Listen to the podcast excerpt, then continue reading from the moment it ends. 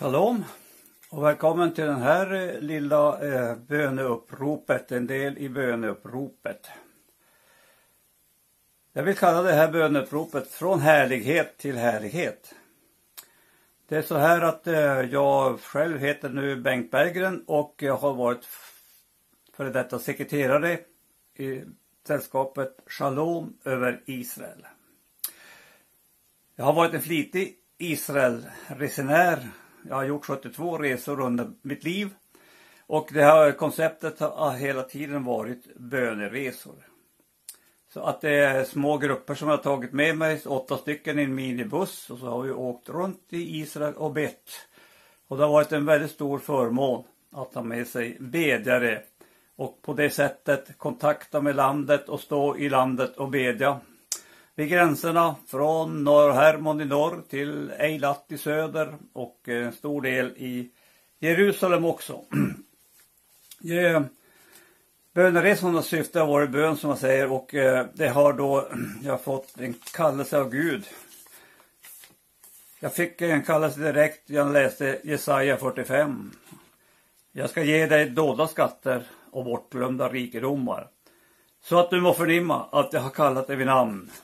Och så står det vidare, det är för Israels skull jag gör detta.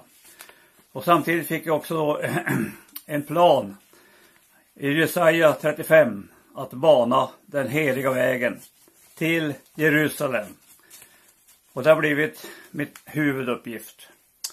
Eh, Lars har jag känt sedan 80-talet i samma veva som Kjell Sjöberg hade sitt bönarbete. Men nu till böneuppropet här. Det är väldigt bra att vi har fått gå in i den här bönekampanjen just i den här 50 dagars perioden mellan påsk och pingst. Det passar precis in i mönstret. Och det är också en profetisk förbundstjänst på det sättet. Det kan jag motivera med de följande att om erräkningen ingår i Guds kalender och de högtider som Herren har kallat och befallt Israels barn att fira. Det är alltså Herrens högtider. Och det är enligt Guds vilja mötesplatser mellan Gud och folket. Men det är, har även ett profetiskt perspektiv. Det finns ett ord på de här eh, som betecknar dessa högtider med som heter Mikra Kodesh. Helig beredskapsövning. Och det är verkligen något som vi får dela här i den här perioden. Det är en helig beredskapsövning. Vi får se de här 50 dagars bönen som en beredskapsövning.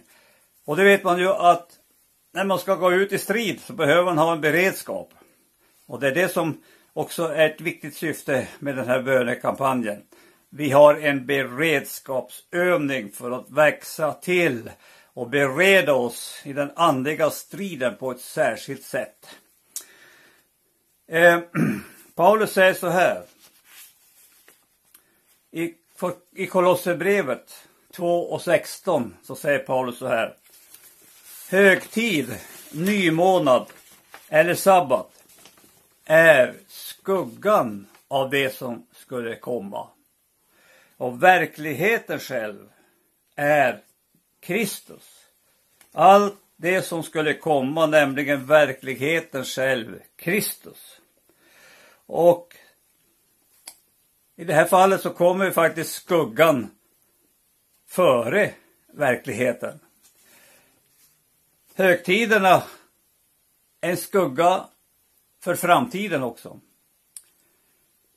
Det som ska komma med Kristus. Och det kan vi uttrycka på det sättet. Högtiderna är fönster mot framtiden. Jämför.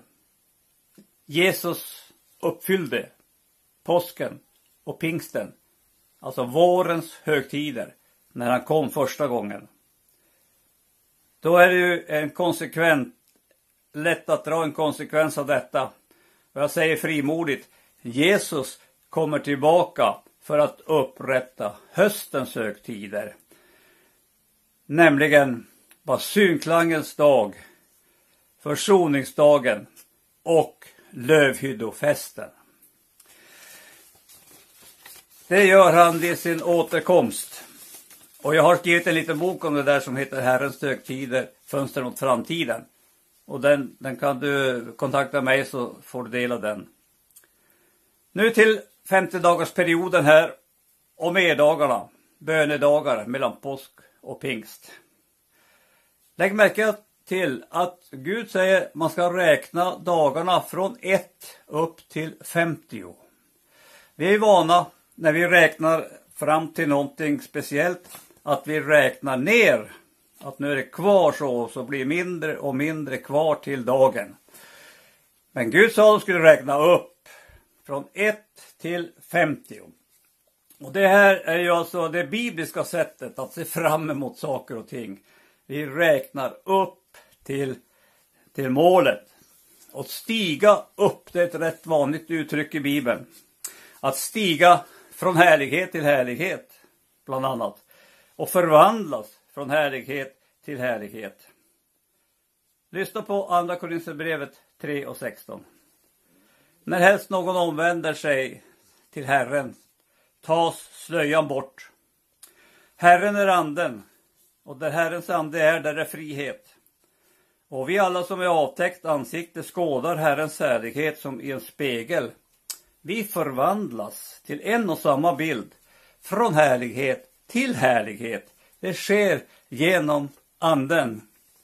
Det är en underbar, process som, som Paulus tar fram här. Vi förvandlas, ju mer slöjan lyfts och vi ser klarare och klarare förvandlas vi till en och samma bild, från härlighet till härlighet. När jag tänkte på det här eh, så fick jag en bild också att, att det är att likna vid en sluss. Jag vet inte om du har åkt i en sluss någon gång, men när man åker i en sluss så åker man in genom en, den lägsta slussporten och in i en slussbassäng. Sen öppnas slussporten framåt och så strömmar det vatten från den ovanliggande slussbassängen ner i den här och vattnet stiger. Och så kan du åka över till den nya slussbassängen, stänga porten efter dig, öppna framåt och så flödar det in vatten och så stiger nivån där och så går du upp från nivå till nivå i slussen. Men det viktiga är stäng bakåt, öppna framåt.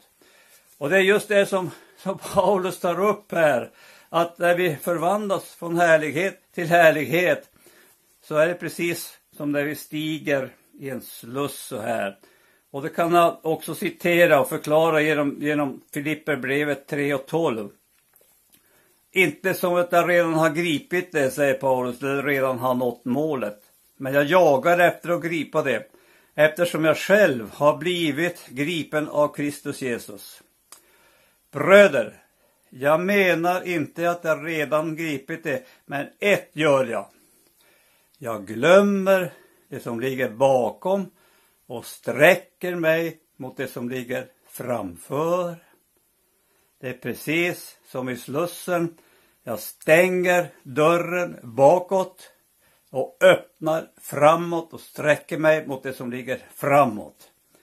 Det är så underbart att vi behöver inte bära på det gamla. Paulus säger att vi får lägga det åt sidan, vi får glömma det. Vi stänger bakåt. Så vi inte bland, går i grämelse och andra saker som hör till det som är i, i, för, för, i bakåt, bakåt i tiden så att säga. Men här får vi då sträcka oss framåt istället mot det som ligger framåt. Och här i vårt bönearbete så handlar det ju om att sträcka sig mot det som ligger framför. Mot bönesvaret. Och så säger Paulus i Andra Korinthierbrevet 2.14. Men vi tackar Gud som alltid för oss fram i Kristi segertåg och genom allt sprider sin kunskaps väldoft. Ty vi är en rökelse inför Gud bland dem som blir frälsta och bland dem som går förtappade. För det senare en doft död till död. För det förra en doft liv till liv.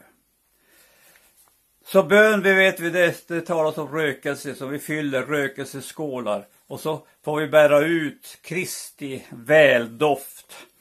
Och eh, det står i Bibeln att eh, det, inför Guds tron så är det änglar som hjälper oss att eh, fylla böneskålarna. Och så sen får vi också tillsammans med änglarna gå ut och tömma ut dem över jorden. Och över vårt land som vi ber om Herre. Jag ska ta ett annat exempel ur fjärde Mosebok 1646. Där talas det om att Guds vrede hade kommit över folket och startat en hemsökelse. Folket började dö. Men vi ska också se här, bönerökelsen bringade försoning och avvärjde Guds straffdom. Det står i fjärde Mosebok 16 och 46. Och Mose sa till Aron, ta ditt fyrfat och lägg eld från altaret på det och strö på rökelse och gå sedan genast till medigheten och bringa försoning för dem. Ty vrede har gått ut från Herrens ansikte. Hemsökelsen har börjat. Aron tog det Mose hade sagt och skyndade sig mitt i församlingen. Och se, folket. Se, hemsökelsen hade redan börjat bland folken. Aron la på rökelse och bringade försoning för folket. Han stod mellan de döda och levande och hemsökelsen upphörde. Tänk, Aron stod i gapet mellan de levande och döda och bringa försoning till folket. Måtte våra böner få avvärja dom och medverka till väckelse. Måtte det vara så att vår rökelse, vår bönerökelse får vara en väldoft som gör att människor vill bli frälsta, människor vill bli, att det kommer en väckelse. Men framförallt också då att Gud avvärjer domen genom våra böner. Vi är sändebud för Kristus, säger Paulus. Det är Gud som förmanar genom oss. Vi ber och Kristi vägnar. Låt försona er med Gud. Så vi ber enligt det. Tack Herre för att vi får lägga det här fram inför dig. Att det står i en bönesmörjelse där du vill bara lägga mer och mer rökelse i våra böneskålar. Så att vi kan gå ut eh, i, bland folket och bringa försoning. Vår bön medverkar till att du avvärjer straffdomen och bringar försoning och väckelse ibland vårt folk. Vi ber om detta och tack för att vi får lägga allt i dina händer.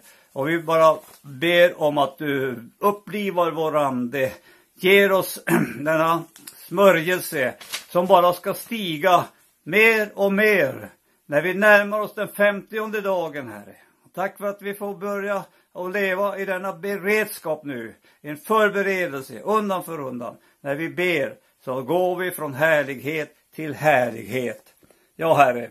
Tack för att vi får lägga det här i dina händer. Och vi ber om en fortsatt, fortsatt iver att få bedja fram det här bönesvaret som vi har. Som vi vill att Sverige ska bli ett förvandlat land. Norden ska bli förvandlade. Och vi ber att du ska avvärja straffdomen och komma med försoning och väckelse. Amen. Jag vill lämna ett slutord ur Romarbrevet 16 och 20. Fridens Gud ska snart krossa Satan under våra fötter. Vår Herre Jesu Kristi nåd vare med er. Amen.